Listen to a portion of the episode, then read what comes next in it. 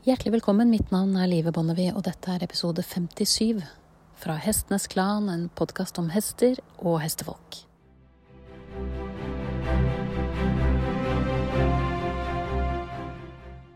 Jeg har eh, beveget meg ut i felt i dag.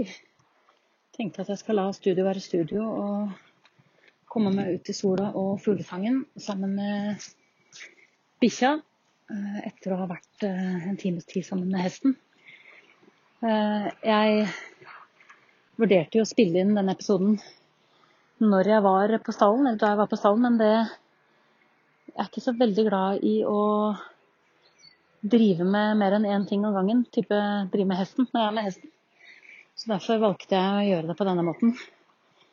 Jeg gjorde et forsøk på å finne fram utstyret når jeg var midt ute i den grønne enga der han gikk og spiste gress, men det kjentes ikke riktig ut. Og han sa jo for seg også ganske klart fra at det ikke var det. Så det kan man jo fort merke på dem hvis man kjenner dem godt. Hvis de går bort fra deg, så går de gjerne bort av en grunn.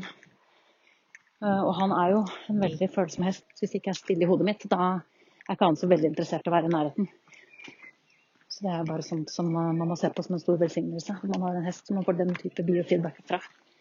Dette er årets første ordentlige sommerdag i Norge. Folk bader i vann jeg går forbi. Og jeg er så heldig å ha stallen sånn at jeg kan gå hjemmefra og til stallen. Eh, forbi badende hunder og, som dette var tilfellet av, badende hunder og barn. Og en uh, bilvei som jeg gjerne skulle ønske at ikke var der, men som ikke gjør så veldig mye ut av seg på en dag som dette her. Lyngen er dypgrønn, blåbærene er lyse, lyse røde knopper. Og det er uh, en utrolig varm og fin dag. Altfor varm til å sitte inne og drive med studioting. Så kjente at i dag skal jeg komme meg ut og så skal jeg sjekke hvordan det fungerer. Det har vært en uh, veldig interessant uh, fase av mitt uh, hesteliv de ukene som har gått nå. For det har vært mye en sånn reise på vei mot kanskje et enda stillere sinn. Enda færre krav til hesten. Og enda mer oppmerksomhet knyttet til hva hesten forsøker å si det er jo interessant med det, men jo lenger man har drevet med hest, jo mer interessert blir man jo i å høre hva hesten har på hjertet. Og jo mindre interessant blir det hva en selv har å tenke på. Og jeg har nok kjent mye på at jeg har eh, Med den hesten jeg har nå, som jeg nå har hatt i åtte år, har jeg egentlig landet på at jeg eh, Det er en litt sånn interessant følelse. Jeg vil veldig, eh, veldig lite, egentlig. Eh, jeg har ikke engang et sånt slags, et slags behov eller forventning om at jeg er nødt til å ri. Jeg kan liksom ikke ha en hest uten å ri han. Jeg har jo allerede kjøpt en islandshest uten å følge opp gangsettingen av tølten hans, fordi jeg opplever ikke at han egentlig byr på det. Han er ikke noen naturtølter. Eh, og jeg bestemte meg ganske tidlig med ham at hvis ikke han byr på ting, så skal jeg heller ikke kreve eller forsyne meg av det. Jeg har lyst til å bygge på ting som han tilbyr selv. Og det blir jo et veldig annerledes eh, hestehold, men det gjør en jo veldig skjerpa for hestens eh, mer subtile språk, som jeg har fått en, egentlig en gyllen anledning til å dykke ned i de siste ukene nå. I forbindelse med dette programmet som jeg deltar på, som er en sånn liten oppvåkning, egentlig. en påminnelse om det som jeg alltid har vært så glad i når det gjelder det å drive med hest. Altså at man, det at man aldri blir utlært. Og den tenker så ofte med takknemlighet, og dette er en sånn dag, jeg tenker så ofte med takknemlighet på den vedvarende berikelsen det har vært for meg å ha hest i livet mitt. Um, alt han har uh, Alt hestene mine har lært meg om hvem jeg er og, og, hvem jeg vil være. Og alle opplevelsene som følger med. Um, det er en uh, Det har vært litt av en, og er fortsatt litt av en reise. Og det å kunne bo sånn som jeg bor nå, at jeg som en god nummer to til å ha hesten hjemme på en stall og en gård som jeg eier og driver selv Det er mange år siden sist jeg var i den heldige situasjonen at jeg hadde hesten der jeg bodde. Øh, oppe i Nannestad-traktene. Og hadde hesten rett utenfor vinduet. Det er jo Åh, det er liksom den Det er det optimale, føler jeg. Og så er det en god nummer to at det går an å spenne på seg skoene og rusle bort til stallen på 20 minutter. Og i mitt tilfelle langs et langs en innsjø. et lite vann som, eh, som er der med alle sine farger og variasjoner over temaet, med en liten hund i dette tilfellet som fikk lov å være med. Selv om hun har løpetid av ganske mye veien. Jeg klarte ikke å motstå de store, svarte øynene hennes. Ser ut som en sånn liten selunge. Så store, litt fuktige øyne som bare vil ting. Og det, ja, det, det hender at jeg tenker at selv om hun er ganske mye i veien med det jeg driver med hesten nå, så har ikke hjerte til å si nei alltid. Så hun er med meg nå. Så får vi en liten tur til og fra stallen på denne nydelige skogstien vi går. Og jeg tenker på kontrastene i mitt hesteliv, egentlig, fra når jeg startet med den litt sånn kanskje litt brutale inngangen det var. At man ja, at det er sånn som Per Morten sa i en tidligere episode her, at og som han siterer, det er et kjent sitat, og jeg har trukket det fram flere ganger selv i podkasten også. Når kunnskapen eh, tar slutt, så tar volden over. Kunne jo ikke all verdens mye på den tiden man starter. Og ja, det ble jo en, en type ridning som jeg aldri ville funnet på å drive med i dag og som jeg heller aldri ville funnet på selv, som jo er et stort tema for meg i denne podkasten. Jeg har ikke lyst til å snakke om de kjipe tingene i dag, jeg har lyst til å snakke om de hyggelige tingene. Eh, jeg har lyst til å snakke om det jeg ser av fremgang. Da snakker jeg ikke om isolert sett meg og min hest, men den mentalitetsendringen som jeg tenker Anna Blake var inne på. Når hun snakker om dette paradigmeskiftet som er på vei, og at hun oppfordrer kvinner til å lede med selvtillit fordi hun vet at det er rett. Og det hun snakker om, som blir mer og mer potent og tydelig for meg, det er at uh, vi har rett i at det finnes en annen vei. En vei uten så mye tvangsmidler. Og da snakker jeg ikke bare om fysiske tvangsmidler, men jeg snakker også om mentale. For hvis du automatiserer hesten din til å trave rundt deg mens du står stille og lener deg mot pisken og tenker at det er en god idé, så, så har du på en måte bare flytta trykkterskelen et hakk til høyre eller til venstre. Hesten er ikke noe mer fri i sinnet sitt. Tvert imot. Og hesten har det ikke noe bedre. Og det er ikke noen relasjon i at en hest automatisk går rundt deg i en helt usammenhengende samtale. Det er ikke dit vi skal. Det det handler om, føler jeg, er frihet på ordentlig, som han fyren som kjører den Harley Davidson-motorsykkelen på andre siden av vannet. Med vind i håret innenfor hjelmen antageligvis, men like fullt. Altså den følelsen av at du kan dra hvor du vil, og at du er fri i tanken. da. At uh, det blir viktigere og viktigere for meg at testen min er fri, som jeg snakket om før, til å si ja eller nei. At testen er uh, fri til å trekke seg unna også, når han trenger å beskytte seg selv. Og at jeg slipper å føle meg som en sånn klebrig sugekopp som insisterer på at han skal henge fast i meg. Ehm, jeg tenker at, eh, at det er en del ting som jeg dreier med før som jeg er ferdig med. Eh, sitte og kysse hesten min på mulen, f.eks. Um, det er jeg ferdig med. Hvis han legger mulen sin i fjeset mitt, så klemmer jeg tilbake. Altså en veldig myk, uforpliktende klem.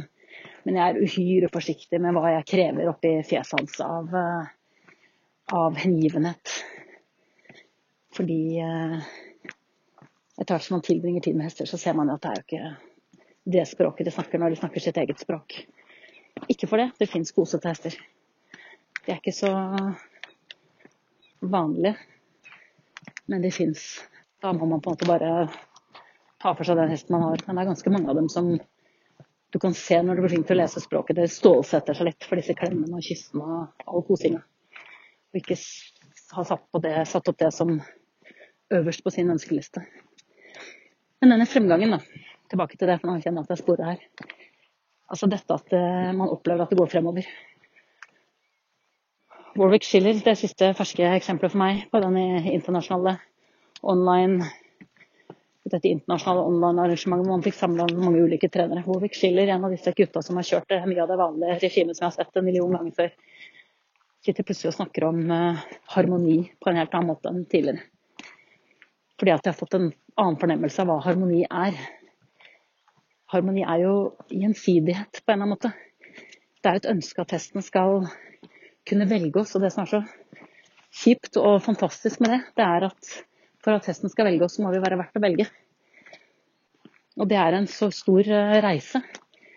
både å akseptere å leve godt med og bli valgt bort, men kanskje i enda større grad å jobbe med seg selv, sånn at man kommer til et sted hvor hesten tenker at hun der, hun har lyst til å være med. Og de der øyeblikkene når hesten opplever en form for vekst eller en form for forløsning av sitt eget potensial, og hvor godt de liker det, det er en av de tingene som virkelig fascinerer meg mer og mer. Altså at de En ting er når man har vært på klinikker og det er en hest i picaderoen eller Rundtallokken som blir jobbet med. Og det er ikke minst på de klinikkene som jeg har vært mye på, så er det jo mennesket som blir jobbet med. Altså man, man jobber jo, Det er jo hos oss det ligger.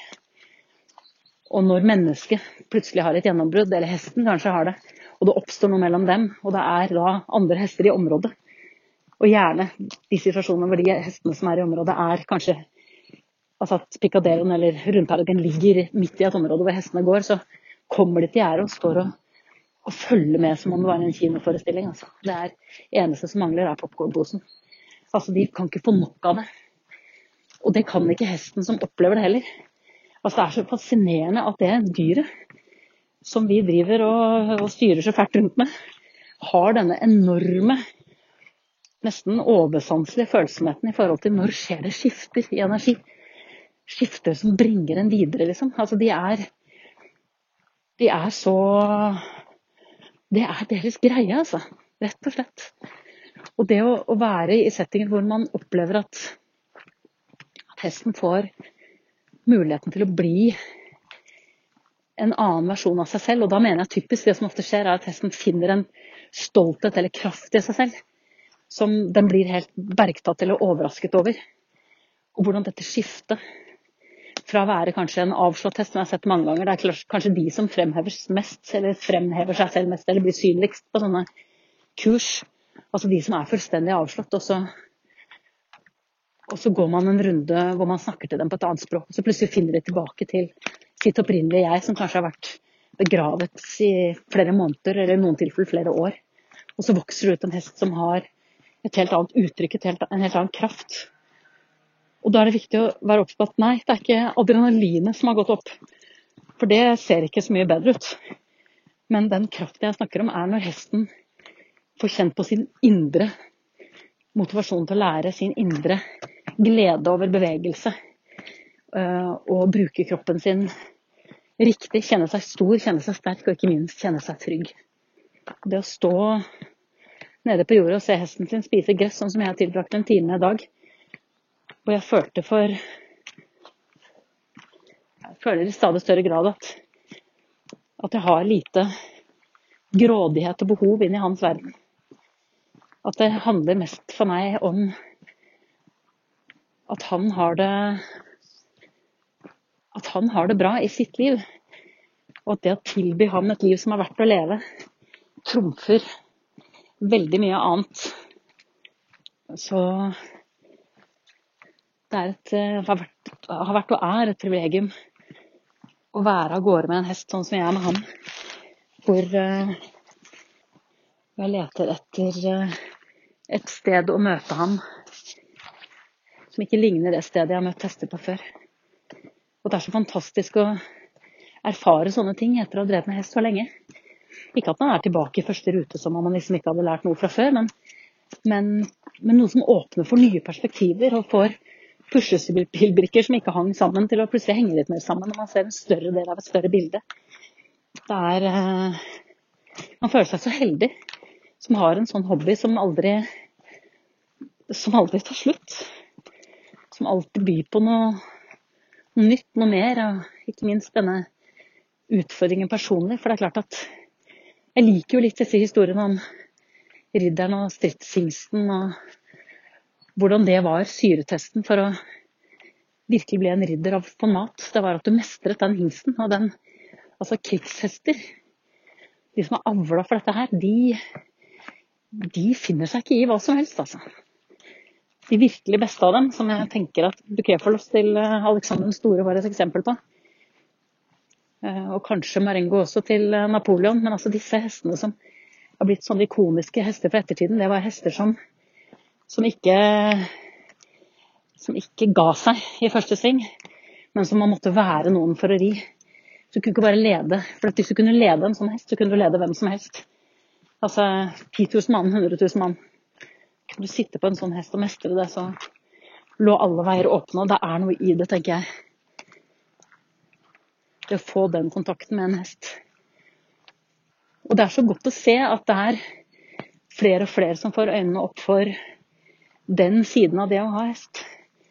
Altså den siden som handler om mer at man er to individer som møtes og har en toveis samtale. Og at man finner ut av ting. Møter en annen hund her som vil passe seg. Kom igjen. Kom hit, da. Vi passer oss. Kom hit, da. Du er så flink. Kom hit, da. Du er veldig flink. Det er så interessant hvordan det også har den type arbeid som jeg snakker om her, også for altså, materialiserer seg i atferden til hunden. For jeg har jo en liten terrier som har vært en sånn bjeffemaskin når man treffer andre hunder. Og nå treffer jeg andre hunder, og hun lager ikke en lyd fordi at jeg har tatt et rom der som gjør at hun kan føle seg trygg og ikke trenger å fyre av seg fælt. Det er så interessant hva som skjer når man eh, lar hunden og hesten ha sine egne instinkter og kommer inn og tilbyr noe i tillegg som gjør det lett for dem å gjøre andre valg. Hun trenger jo ikke å blåse seg opp og, og gi hals som om det sto om livet og bjeffe som en gærning hvis jeg har tatt det rommet og sagt at jeg har kontroll på det. Du trenger ikke være bekymra. Og at det kommer fra et sted som gjør at hun skjønner at det er sant. At jeg vil passe på henne. Og jeg vil passe på oss. Sånn at ingenting vil skje med henne som er farlig. Så det å bli en bedre versjon av seg selv Det høres så dumt ut å kalle det bli en bedre leder, fordi det høres Jeg får så veldig ofte den der assosiasjonen til, til disse møkkatrenerne som driver og maser om det her hele tiden. Og jeg har ingen identifikasjon med det. Men jeg tenker at uh, det å bli en trygghet i livet til hesten min, det er et mål. Jeg ser jo til min store glede at det er stadig flere som blir mer og mer opptatt av hva med hesten i dette her. Jeg vil sånn, jeg vil sånn. Men hva vil hesten? Sånn sett veldig deilig når uh, det dukker opp sånne situasjoner hvor folk skal på stevne har lasta hesten på hengeren, kjørt til stevneplassen, lastet av, utstyret er pustet, alt er klart. Og så bare kjenner Nei, det her er ikke riktig. Laste hesten på hengeren, dra hjem, slippe ut til de andre hestene. Ferdig snakka. Nå har du feelings. Det er da det blir interessant, tenker jeg. Når det rommet fins. At det er ikke bare å si nei og bli hørt et øyeblikk, og så at det er forventet at man skal si ja de neste ti gangene, men at det nei blir respektert. Også i en sånn situasjon som det her. Dit skal vi, tenker jeg. For at i det øyeblikket vi ser og respekterer hesten som et selvstendig individ, og hesten er natur, så tenker jeg at så ser vi og respekterer også naturen som en selvstendig enhet. Ikke noe vi bare kan forsyne oss av, men noe vi skal leve i balanse med. Så sånn sett så blir mitt prosjekt med hest et mikrokosmos om det større. At det handler om at vi skal leve sammen. Til glede for begge parter. Du har nettopp hørt episode 57 fra Hestenes Klan, en podkast om hester og hestefolk. Takk til min faste komponist Fredrik Blom, og sist, men ikke minst takk til deg, kjære lytter, for tålmodigheten. Måtte hesten for alltid være med deg.